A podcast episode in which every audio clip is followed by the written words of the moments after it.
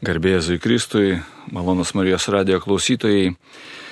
Prie šeimos žydinio šį kartą jaukiai įsikūrėme su Judita Velžienė, keturių vaikų mama, tai taip pat yra psichologė, psichoterapeutė.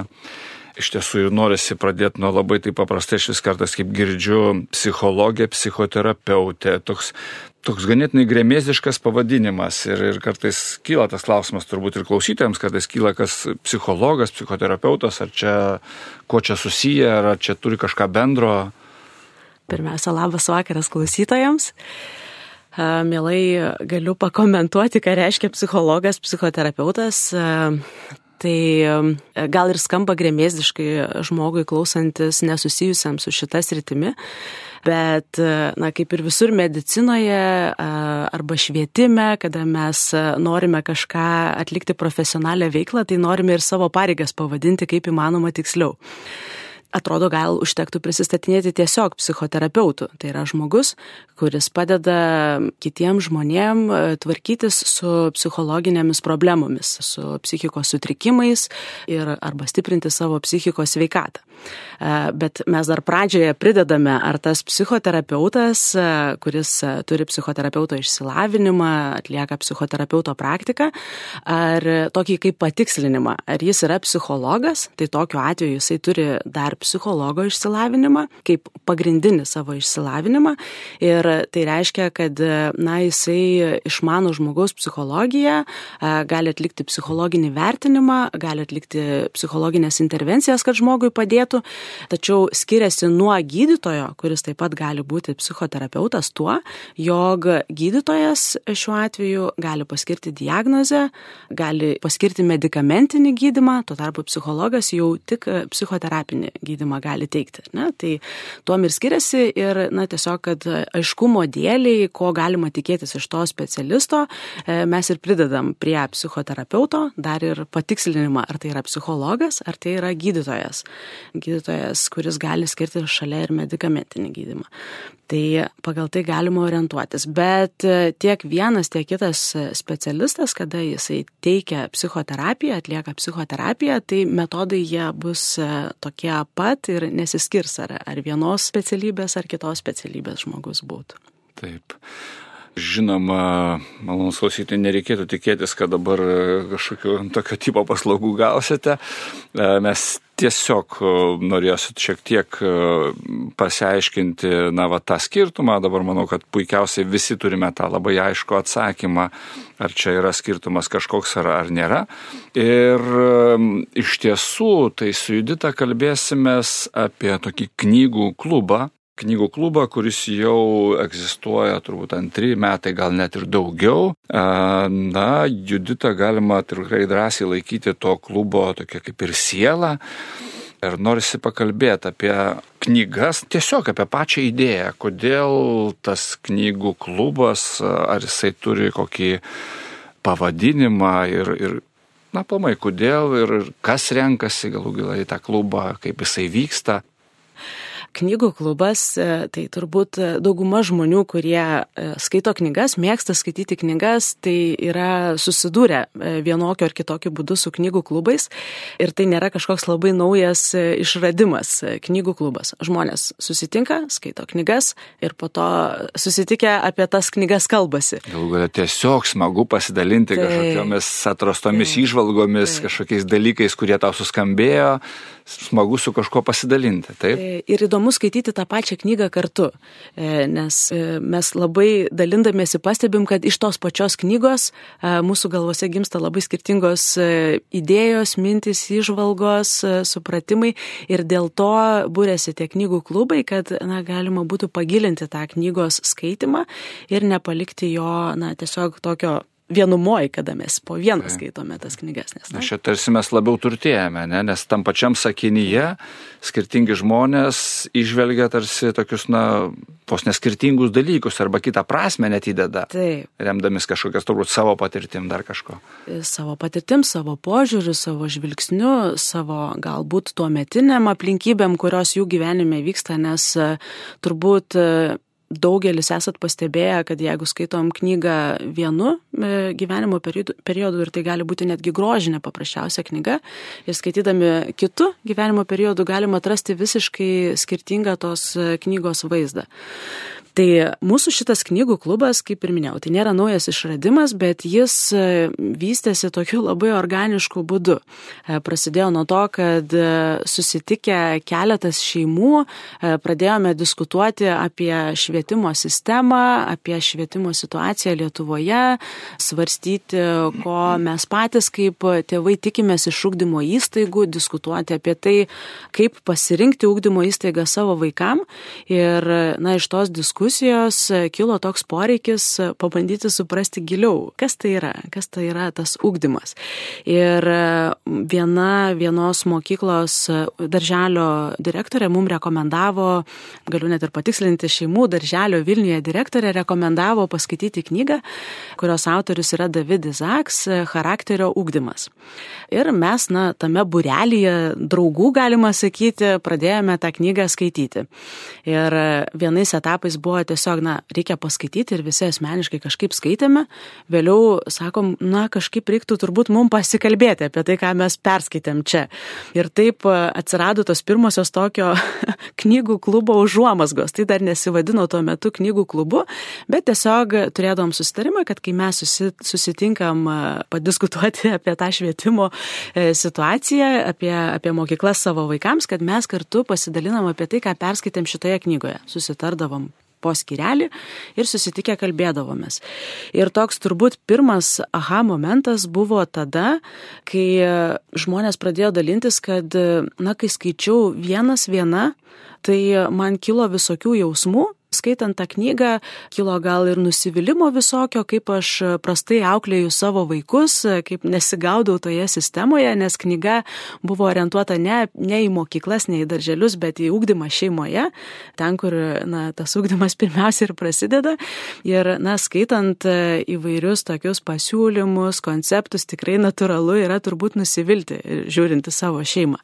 Bet kai mes pradėjom dalintis tose grupėse, kaip mums sekasi, atsirado, na, toksai palengvėjimo gal jausmas, kada suprantam, kad labai panašiai mes visi gyvename, su labai panašiais rūpešiais susidurėm, bet kai pasidalinam, e, kaip mes tos rūpešius bandome išspręsti, vieni kitiem pasidaro, na, kyla irgi naujų idėjų, ką galime daryti ir tada lengviau yra tą taikyti. Ta knyga pasidarė nebe tokia slegianti, o kaip tik priešingai išlaisvinanti ir auginanti mus pačius.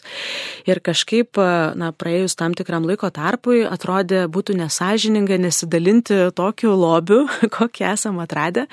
Ir mes nusprendėme suteikti kažkokią formą tam klubui tokiam, sakykime, pavadinome knygų klubu nuo asmens iki asmenybės ir pasikvietėm truputį daugiau draugų paskaityti kartu knygas apie ūkdymą.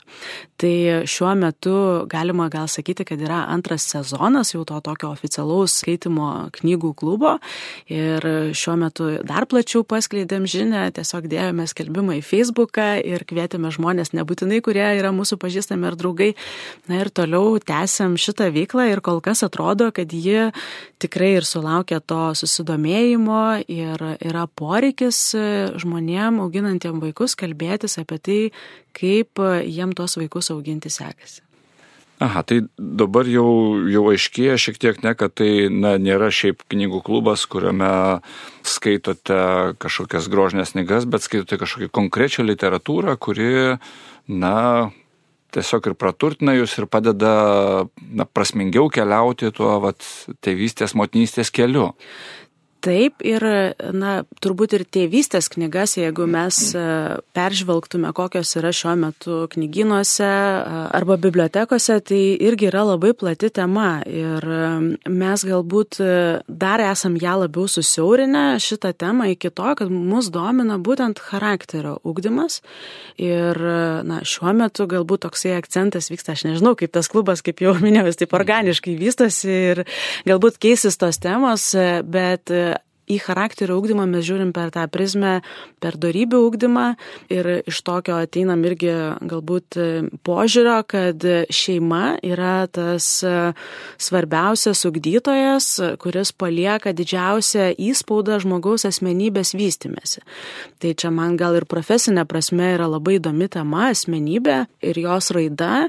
Ir, na, nepaslaptis, kad psichoterapijoje mes ir susidurėm labiausiai su, su tomis skaudžiausiomis pasiekmėmis, kuomet šeimoje vyksta nelabai geri dalykai ir gyvenime visada vyksta, visur gyvenime nelabai geri dalykai, bet aš savo praktikoje matau, kad vis dėlto tas šeimos įspūdas, tai kas buvo, tai kokia ta šeima buvo, tai kas vyko toje šeimoje, palieka giliausius pėtsakus, e, visokius, tiek e, skausmingus pėtsakus, tiek tokius pėtsakus, kurie tą asmenybę laužo, tiek e, teigiamus labai pėtsakus, kurie tą asmenybę stiprina, tvirtina ir na, veda žmogų brandos keliu.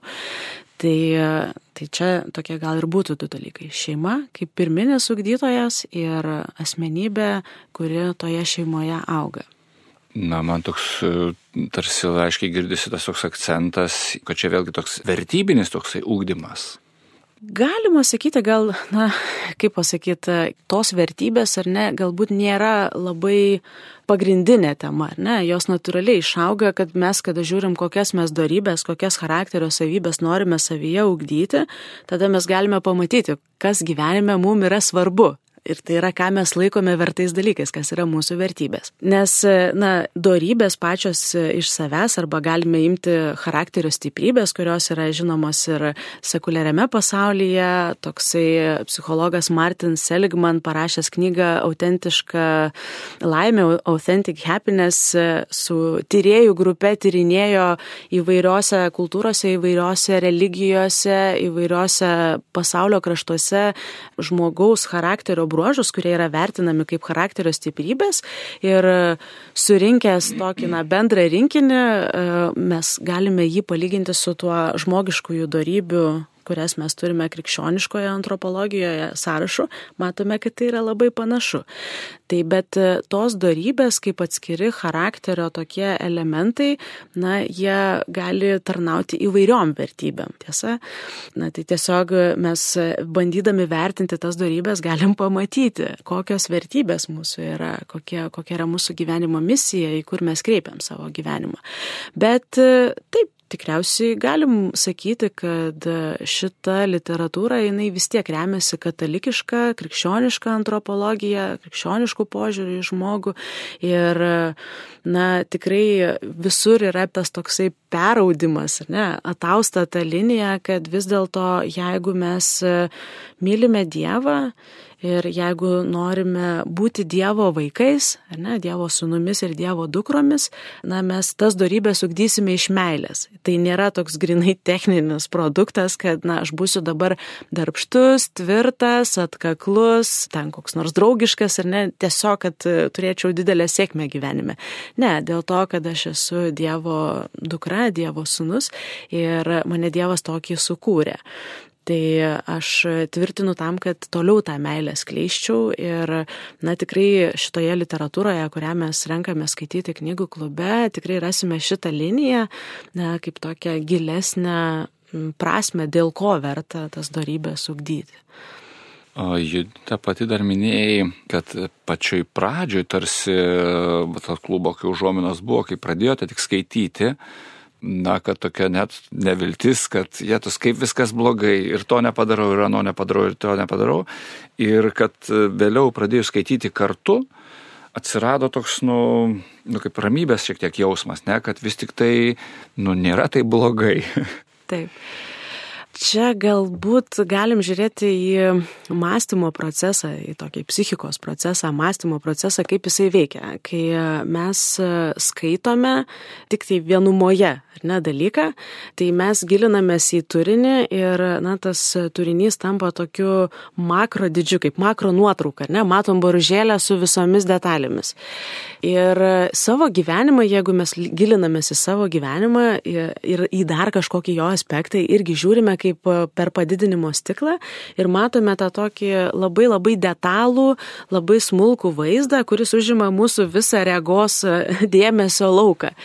Ir tada, na, natūralu ir žmogiška, matant ten kažkokius trūkumus, juos irgi truputėlį vertinti taip padidintai. Nu, atrodo, kad tikrai baisu mano gyvenime, va čia čia man kažkur kažkas nesiseka. Ir vėlgi yra ta žmogaus prigimtis, kad jisai norėdamas išlikti e, vis ieško, kur jam nesiseka, kad galėtų tą taisyti. Tai natūralu, kad selektyviai mes pasirenkam tas vietas. Bet kai mes ateinam į bendruomenę, į būrį žmonių, į grupę, kas, kas yra raktas mūsų išlikimo istorijoje, gentys, būriai, giminės, šeimos didelės, kurios padėdavo išlikti, tai mes bandydami pertikti tą, ką mes pamatėme tame paveiksle, neišvengiamai pradedam, na vis tiek ir vertinti kontekstą ir žiūrėti, o kas vis dėlto gerai mūsų tame paveiksle yra šeimos. Mes truputį atsitraukėme nuo to labai labai tokio didelio vaizdo ir matom bendresnį paveikslą savo gyvenime. Ir klausydamiesi, kaip kiti dalinasi apie savo gyvenimus, galim atpažinti, o kas pas mane yra panašiai. Ir vėlgi, tarsi tas kito požiūrio taškas, kito požiūrio kampas praplečia ir mūsų mąstymą. Mes dar didesnį paveikslą pamatom ir tada, na, galim pasižiūrėti, kad na, nėra taip blogai, kai buvo tada, kai žiūrėjau tik į vieną mažą labai koncentruotą vietą. Tai todėl tas knygų klubas, jisai na, padeda turtingiau suvokti tą medžiagą, nes knygos tikrai jos yra labai, šitos bent jau knygos, kurias esame pasirinkę skaityti dabar, jos yra labai labai tokios turtingos ir turtingos tos refleksijos. Atrodo, kiekvieną sakinį tu gali skaityti ir apmastyti galybę laiko. Ir dar vienas įdomus efektas, ką žmonės irgi sako šitame klube, kad sako, aš klausausi ir net atsiverčiu tą pažiūrėt knygą, ar aš tą skyrių skaičiau. Nes aš nepamačiau šito sakinio, ne, jis kažkaip iškrito, bet jis toks atrodo irgi svarbus ir man galėtų labai padėti, bet kai aš skaičiau, man jisai nesužibėjo tame skaitime. Visai nesuskambėjo. Nesuskambėjo, neužkliuvo, prabėgau, ar mano dėmesys buvo nutrūkęs, ar gal aš niekada apie tai nemaščiau. Ir, na, kitų pasidalinimai e, man padeda tada pamatyti tą kitą pusę dalyko, kitą reikalo kito pusę. Tai tas irgi kažkaip irgi matyt leidžia geriau suvokti tekstą, tas pasidalinimas ir duoda dar daugiau apmąstymų. Iš tiesų turbūt galima atpažinti tą veikimą tokį, na, iš daugiau tokių veiklų, kurias mes veikiame, sakykime, na, kažkokioje bendruomenėje ar tai gali būti jo kažkokios netgi irgi paskaitos, bet kur, kur ne tik, kad e, klausomės teksto, bet irgi diskutuojame, neriam gilin, tai lygiai taip pat ta, gali atrasti kažkokius tai va, visai naujus dalykus ir visai kitaip pažvelgti. Tai čia tikrai padrasnimas klausytojams, kad na, yra labai negerai užsidaryti savyje ir kaltinti save arba greušti save dėl to, kad tau kažkas nesiseka. Taip. Tikrai labai sveika yra kalbėtis apie tai, bent jau su draugais, arba na, tiesiog ieškotų bendraminčių, kurie turi panašaus amžiaus vaikus ir, ir kad kalbantis tikrai ateina ta, nu, prasiplešia tas taip, taip. E, diapazonas didėja. Ir, Labai geras žodis - sveika. Nes sveika, tiesa. tai nėra nei gerai, nei blogai atsisėdus skaityti vienam knygą, tiesa. Bet skaitydamas vienas tu rizikuoji kažkur labai užklimti. Vienas dalykas gali būti tokia rizika. Kitas dalykas rizikuoji praslysti labai paviršiumi. E, na, nes e, tu tiesiog savo tik tai istoriją toje knygoje matai, savo istoriją vertini ir na, tas patyrimas knygos nebėra toksai turtingas. Ir e, aš pati labai mėgstu skaityti knygas nuo labai jauno amžiaus, bet labai buvo toksai ryškus patyrimas, kada pradėjau studijuoti psichoterapiją, tuo metu aš buvau motinysės atostogose ir na, tiesiog skaičiau privalomą literatūrą, klausiau paskaitas ir tiesiog pasiekiau tokį momentą, kad kad supratau, jog, na, viskas, dabar dar vieną knygą perskaitysiu, jinai man nieko nebeduos. Kiek aš beskaitau, man ta medžiaga nebeduoda. Aš turiu pabandyti praktiškai e, kažkokiu būdu tą dalyką, ką skaitau, kad jisai man duotų naują mokymosi laiptelį, kad aš vėl galėčiau mokytis kažką naujo. Nes dabar aš matau, kad tos medžiagos yra daug, aš jos nesu įsisavinusi, bet e, aš jos negaliu įimti kažkaip į savo gyvenimą, įgyvendinti dėl to, kad, na, tas smegenų plotas, kuris yra naudojamas skaitant, jau jisai daugiau nebepajėgia ne, apdoroti tos informacijos. Ir kai prasidėjo mano kaip psichoterapeutės praktika, aš vėl tas pačias knygas skaičiau ir vėl daugybę dalykų jau visai kitaip mačiau tada, kai praktiškai galėjau pačiupinėti. Tai lygiai taip pat ir tėvystėje. Galvoju, dar studijuojant bakalaurą, kadangi mano pirmas vaikas gimė ketvirtame kurse mano, tai atsimenu vieną dėstytoją, kuris sakė, na tie, kurie turite savo vaikų, tai jums raidos psichologija yra labai laiku studijuoti, nes jūs galite ant savo vaikų žiūrėti. Bet man tai buvo pirmas vaikas ir man viskas buvo taip nauja, kad aš tos teorinės medžiagos su savo praktika, kurią mačiau, nu niekaip negalėjau sujungti. Nesueina ir, kažkas. Nu, vat, kažkaip lyg ir sueina, lyg ir taip teisinga čia, taip teisinga čia, bet, nu, kažkaip nėra, kad aš galėčiau studijuoti atvejį kaip atvejį, nes jis man antiek naujas yra, kad aš jo negaliu kaip moksliškai žiūrėti. Na, jau su ketvirtu vaiku žiūriu, kad atsiranda jau tas, kad aš jau matau e, tuos e, raidos etapus realybėje, matau, kaip konkrečiam žmogui jie atsiskleidžia. E, čia, aišku, tikriausiai ir mano patirtis darbo tam duoda efektą, bet, bet ką noriu pasakyti, kad neįmanoma yra pasiruošti tėvystiai, na, taip prisėdus ir perskaičius keletą vadovėlių. Net neįmanoma pasiruošti jau auginant vaikus, tu tikriausiai vytautai su manim sutiksi, kad su kiekvienu vaiku tu atrandi tokį plotą mokytis, kad, na, Tai ir tada tas atsiranda skaitimas, atsiranda dalinimasis, atsiranda savirefleksija gyvenime. Ir galbūt pirmoji knyga, kurią skaitėm pavasarį klube apie tas darybės, turėjo tokį privalumą, kad kiekvieno skyriaus gale po tos teorinės tokios medžiagos būdavo pateikta įsivertinimas iš dviejų dalių. Viena, kaip aš pats tą darybę praktikuoju ir kita dalis buvo, kaip aš ugdau savo vaikuose arba savo mokiniuose tos darybės tobulėjimą kažkokį. Tai tokia irgi atsiranda praktinė dalis, apmašius, įsivertinus, labai atsiranda aiški kryptis, ką aš savo gyvenime turiu bandyti keisti, bandyti įdėti, kad atsirastų daugiau tos darybės mano ir vaikų gyvenime. Na, dabar šitame klube knyga, kurią skaitome, neturi tokio savęs įvertinimo ir galbūt šiek tiek trūksta. Kai pradėjome skaityti, girdėjosi tokių ir nusivylimų, o kažkaip nelabai praktiška šita knyga, mes skaitome ir, na, taip tiesa, taip turėtų būti daryti, tai būtų gerai, jeigu šeimoje mes augintume vaikus, bet kažkaip trūksta to praktiškumo. Tačiau vėlgi, klubas tam ir pasitarnauja, kad diskutuodami mes ieškom tų konkrečių būdų, kaip įgyvendinti tą teorinę medžiagą ir tada, na, pasidalinam tais patarimais ir galbūt tais įvertinimais vieni su kitais. Klausytojams dar noriu priminti, kad e, jeigu ką tik įsijungia radio imtuvą, kalbame apie knygų klubą, kurio toks gražus pavadinimas nuo asmens iki asmenybės ir kad tai knygų klubas skirtas skaityti, na, gal šiek tiek e, tokiai specifiniai, sakykime, literatūrai, ne, šiuo atveju, taip tariant, literatūrai apie, na, apie vaikų auklėjimą, gal taip jeigu labai apibendrintai kalbėti. Tai Taip, tikrai galim nuraminti, kad vienam knygą skaityti viskas tvarkoje ir jeigu kalbam apie grožinę literatūrą, tai Tai irgi smagu pasidalinti beje.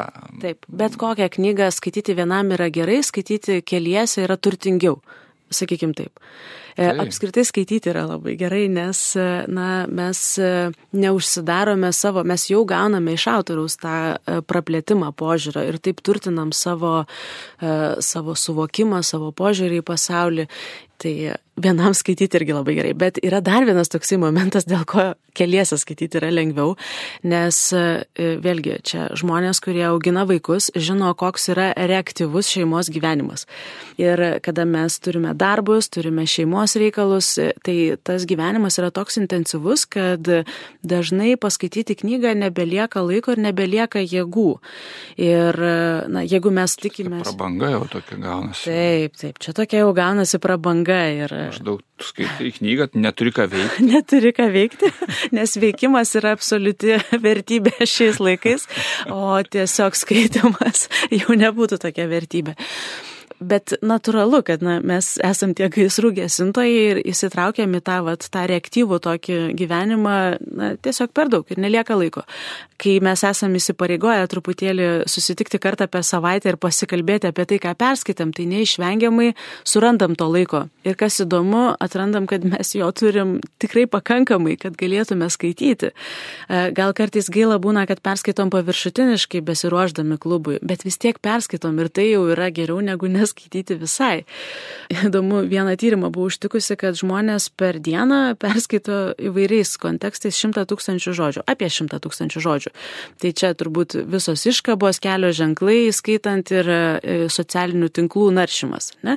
Tai jeigu tai paimtumėm, turbūt nusikaltimas ir bausmė perskaitytumėm vos per keletą dienų, ar ne? Jeigu skaitytumėm tik nusikaltimą ir bausmę, e, tokią didelę knygą, ne? Tai vėlgi, mes vadinasi atsitraukiam nuo kažkokio kitokio skaitimo, kuris gal nėra toksai vertingas, e, žinodami, kad susitiksim, kad norėsim su draugais pasikalbėti tą temą ir netgi tame įtemptame ir tokiame greitame veikimo pasaulyje randame to laiko paskaityti knygą. Bent truputį. Mūsų klubo susitarimas yra toksai, kad nėra jokios prievartos, yra absoliuti laisvė.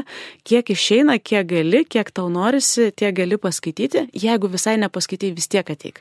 Ir tas dalinimasis jisai vis tiek leidžia ir iš savo patirties apmastyti dalykus. Ir dažnai gimsta toks ir pasirežimas. Oho, kaip susidomėjau, dabar jau šią savaitę, nu dabar grįšiu iš karto ir skaitysiu, kas ten buvo. Nes, na, kai mes jaučiam motivaciją, atrandam tam ir laiko. Tai pirmoji knyga, kurią jūs pradėjote skaityti, tai yra Tai yra David Izaks charakterio ugdymas. Na, originalus pavadinimas šitos knygos yra La Educación de las Virtudes Humanas y su Evaluación. Čia yra ispanų kalba, autorius yra ispanų kilmės ir labai gaila, mes jos neturime lietuvių kalba yra išversta ši knyga į anglų kalbą, dar man yra tekę užtikti berots bulgarų kalbą bijau pameluoti, galiu ir, ir klysti, bet tikrai tai ne, nebuvo ta. Tai nepalengvina iš tikrųjų. Tai nepalengvina situacijos. Taip, jeigu apie patį autorių, tai jis yra Navaros universiteto profesorius emeritas, buvęs edukologijos profesorius daugybę metų, na, šiuo metu tai jau yra garbaus, labai garbaus amžiaus žmogus. Jis buvo edukologijos mokslo instituto direktorius ir vicekancleris labai plačiai rašė ugdymo temomis, dalyvavo tarptautinėse konferencijose skirtose šeimos temoms nagrinėti, visose penkiose žemynuose vedė seminarus, skaitė paskaitas, taip pat yra šeimos tėvas užauginęs būri vaikų. Tai jo knyga ir yra skirta žmogiškosiom darybėm. Mūsų klubui tai buvo labai tinkama knyga dėl to, kad autorius tiesiog paima 24 žmogiškasias darybės ir ją po vieną analizuoja, pabaigoje skyriaus duodamas įsivertinimo galimybę. Tai mums buvo labai patogu. Deja, nėra šitos knygos lietuvių kalba. Na, tenka skaityti anglų kalbą ar kažkaip tai bandyti prašyti, kad kažkas verstų e, ir panašiai. Tai todėl gimė dar viena tokia iniciatyva bandyti tą knygą atnešti Lietuvos žmonėms, kad būtų galima ją skaityti savo gimtają kalbą, nereikėtų mokintis ispanų kalbos. Kas nori, žinoma, gali, visada prašom. Tai... Bet turbūt ir ispaniškai jau nėra lengva ją gauti. Oi, labai lengva yra ją gauti ispanų kalba, todėl kad jau yra 15 leidimas šitos knygos, jinai pirmą kartą buvo išleista 76 metais ir jau 15 leidimas, jisai vis dar nepraranda savo aktualumo tėvų tarpe. Ir tiesą sakant, tas yra nuostabu, aš kai pirmą kartą pradėjau skaityti šią knygą, galvoju, oho, kokia jinai yra šio laikiška, kaip jinai yra apie mūsų gyvenimą, bet aš matau iš popieriaus, iš viršelio, kad jinai yra sena knyga, ne, aš skaičiau anglų kalbą versiją ir tada būtinai atsiverčiau pasižiūrėti, kada buvo pirmas leidimas. Čia tie metai. Ne? Ir taip, tai tas anglų kalba leidimas buvo 2000-aisiais, ar ne, jau pakartotas, atnaujintas ir panašiai, bet pati knyga, originalas, parašytas 76 metai, tai oho, aš nebuvau gimusi dar tada. tai ir tu skaitai ir supranti, kad tai yra tokie universalūs unikalūs dalykai šeimos gyvenime, kurie nesikeičia. Tai parašyta tiesiog šiandienos žmogui. Tai parašyta kiekvienos dienos žmogui, aš taip pasakyčiau, kiekvienos dienos tėčiui, mamai, kiekvienos dienos mokytojui, mokytojai ar bet kokiam žmogui, kuris užsiema ugdymu. Ir tas yra įspūdinga iš tikrųjų. Tai gerai, tad aš suprantu, kad kilo idėja išversti tą knygą lietuviškai. Taip. E, bet ar tai nebus dar vienas toks, na, kaip sakyt, vadovėlio tipo knyga, kurias, nu, nenorės niekas skaityti, nes, nu, per sunku. E, taip, vadovėlis tevams. vadovėlis tevams apie darybių ūkdymą. Perskaitai pirmą skyrių depresiją ir sakai, ne, ačiū, baisu. Laimė, pirmas skyrius yra nėra depresija, pirmas skyrius po įvado yra po dosnumas. Ai, yra, taip, taip. Ir, ir visa, iš tikrųjų, tas lengva ar sunku yra labai subjektivus dalykas. Mes skaitydami, na, mes pasirinkome skaitimui pagrindinės žmogiškasias darybės, e, tokias e, kardinalinės darybės apie tvirtumą, apie išmintį e, ir panašiai. Ir atrodė, kad kartais kai kurios tokios, na, paprastesnės suprasti darybės bus lengvesnės, bet tarsi mes ten daugiau radom savo kažkokiu trūkumu ir buvo psichologiškai gal šiek tiek sunkiau skaityti, bet, na, toliau įsiskaitant, įsigilinant, apskritai autorius labai, labai plačiai ir labai turtingai pristato pačią darybių sampratą. Man e, tai buvo tikrai naujas požiūrio taškas, nes e, aš supratau, kad iki šiol aš apie darybės galvojau labai siaurai. Ir labai, niekada taip labai tiesą sakant, detaliai nebuvau įsigilinusi. Ir skaitydama Izaks, profesoriaus Izaks paaiškinimus, mano prasiplėtė matymas, kas tai yra darybė.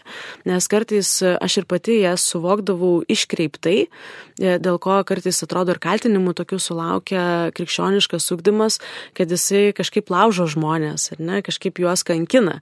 E, bet jeigu pasižiūri giliau, e, detaliau panagrinėjai situaciją, dažniausiai kankina tai, kad mes ne visai taip suprantame, kas tai yra tikrai tvirtumas, kas tai yra dosnumas, kad tai turi būti pusiausviroje, kad įdos yra kraštuose. Ne, ir tas toksai, vėlgi autoriaus tas pedagogiškumas irgi leidžia pažiūrėti tokiose labai labai paprastose situacijose, kaip mes galime tą dosnumą ugdyti e, šeimoje kaip galime skirtingai ugdyti, kaip turėtume skirtingai ugdyti atsižvelgdami į vaiko amžių ir į jo brandą, kiek jis yra pajėgus ten, ar ne, kokia susivaldymas ir sėkingumas mažam vaikui bus tik tai, na, grūdelių tokių siejimas, sėklų pagrindų, nes jo savikontrolės kiltis smegenyse dar yra visiškai nebrandi ir jam susivaldyti, susikontroliuoti save gali būti per sudėtinga ir jeigu mes jo reikalausime taip, kaip reikalaujame iš 14 mečio ar 18 18-mečio ar iš savęs, tai tikėtina, kad mes laužysim tą vaiką. Bet jeigu mes jį, na, taip palaipsniui vesime tuo keliu, tikėtina, kad jis tą darybę užsiaugins sveikesniu būdu negu e, atsitiktinai, ne, tiesiog griežtai labai už, užspaudžiant, neatsižvelgiant į jo amžių. Na, panašu, kad e, galima tikrai jau laukti šitos knygos, jau galima bandyti ją skaityti, bet ar tai yra tik tai projektas dar, ar jau yra realūs žingsniai link? Jau yra knygos? realūs žingsniai e, padaryti, tai e, čia gal toks įdomi, nauja iniciatyva gimė iš to, mes truputį bandėm ieškoti leidyklos, kurie apsimtų, bet na, didžiosios leidyklos turi savo tinklelį ir tada užtrunka, kol ta knyga pakliūna į didesnės leidyklos tinklelį nes tada vėl krūva žmonių turi perskaityti, nuspręsti, ar knyga bus įdomi visuomeniai, skirti tam biudžetą ir panašiai. Tai e, kilo iniciatyva tiesiog steigti leidiklą tokiom knygom. Tai yra daugiau gal kaip na, leidybinis projektas, tai nėra kažkokia didelė leidikla, kuri būtų susitelkusi į tą krikščioniško požiūrio, santykius šeimoje, ugdymą e, vaikų ir savęs ugdymą tame tarpe. Ir, na, aš galiu pasidžiaugti, kad panašu, kad jau šią savaitę mes galutinai pasirašysime kontraktą dėl autorinių teisų šios knygos. Ir... Su pačiu autoriumi. E, na, autorius jau yra pernelik senas, jis dar yra gyvas, bet dėja jo sveikata jau nebeleidžia, kad jisai labai aktyviai dalyvautų tame procese, bet mes pasirašom sutartį su leidikla, kuri turi šios knygos autorinės teisės, jie sutiko perlisti, vyksta paskutiniai kontrakto derinimo darbai ir pradėsime tada jau patį vertimą ir visą tą procesą, kad knyga pasiektų spaudą ir pasiektų skaitytojus. Mhm. Tėvus, kurie laukia. Taip. Na ir e, vėlgi leidyklos, šitos leidyklos idėja yra, kad tai nėra vien tik tai, na tai nėra visai komercinis projektas, e, kad iš to uždirbti e, kažkokius tai savo finansinę naudą. Labiau tai yra projektas su tokia misija, kad atnešti šitas knygas į Lietuvą ir padidinti jų skaitimą. Na ne tik, kad išspausdinti ir padaryti progą įsigyti tą knygą, bet ir e, organizuoti skaitimo klubus, ne tik tai Kaune, kur šiuo metu vyksta, bet ir įvairiose miestuose. Tai, na, kol kas dar nėra labai tokio konkretaus plano, bet manau, kad norintiem visada galėsime teikti konsultacijas, organizuoti knygų pristatymus ir jums užteks tik suburti savo mieste, savo aplinkoje skaitytojų klubą ir, imti, ir skaityti. Taip. Tai iš tiesų jau tokia ganėtinai konkretų žingsniai, tai galima, galima tikėtis. Tai jau kažkoks tai jau žingsniai konkretus jau link teisų, jau viskas čia kaip ir aišku, vertimai turbūt prasidės viską, pat irgi minėjai, kad tai na, nėra tas komercinis projektas, nors kita vertus, tai galvoju, jeigu šitie kartų perleista knyga, Taip. tai ką daugiau vadinti bestselleriu, jeigu ne ją? Ne? Tiesa, galima vadinti. Ispanijoje tai tikrai yra bestselleris ir vėlgi toks įdomus momentas mūsų draugų kompanijoje buvo vienas moteris, kuri yra ispanė ne? Ir jis sakė, o man anglų kalba yra gana sunku skaityti.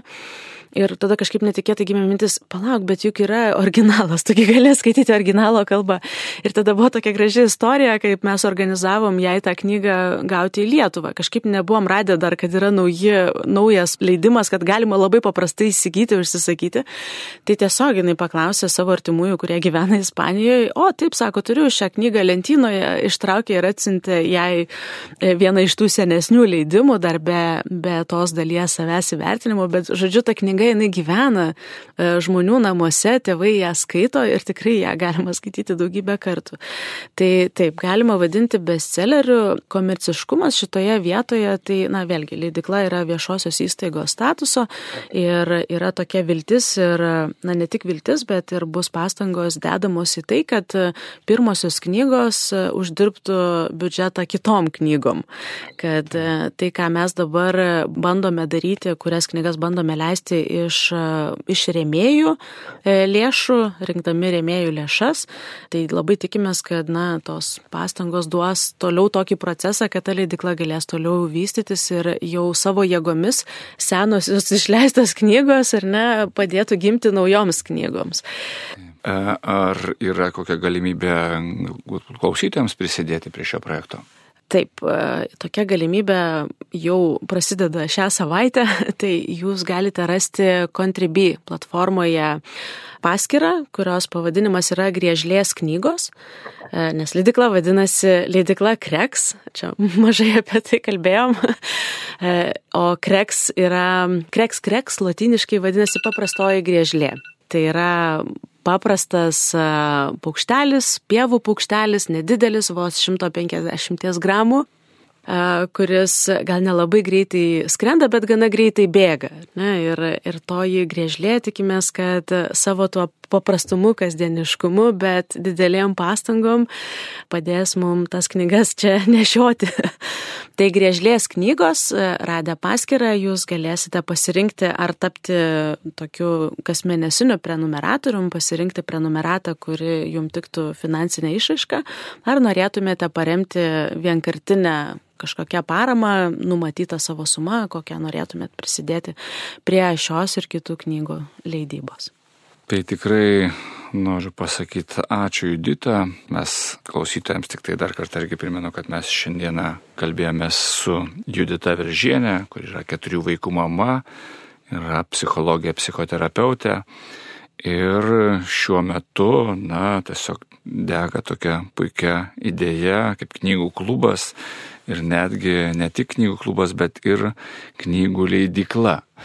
Tai tikrai labai tikimės, kad e, šitą grėžlė įsibėgės ir, ir, ir daug, daug apibėgs šeimų ir tikrai mes visi pajusime tos rezultatus ir galėsime, na, prasmingiau, na, kaip sakyti, drąsiau ugdyti savo vaikus ir aukti, ir aukti patys.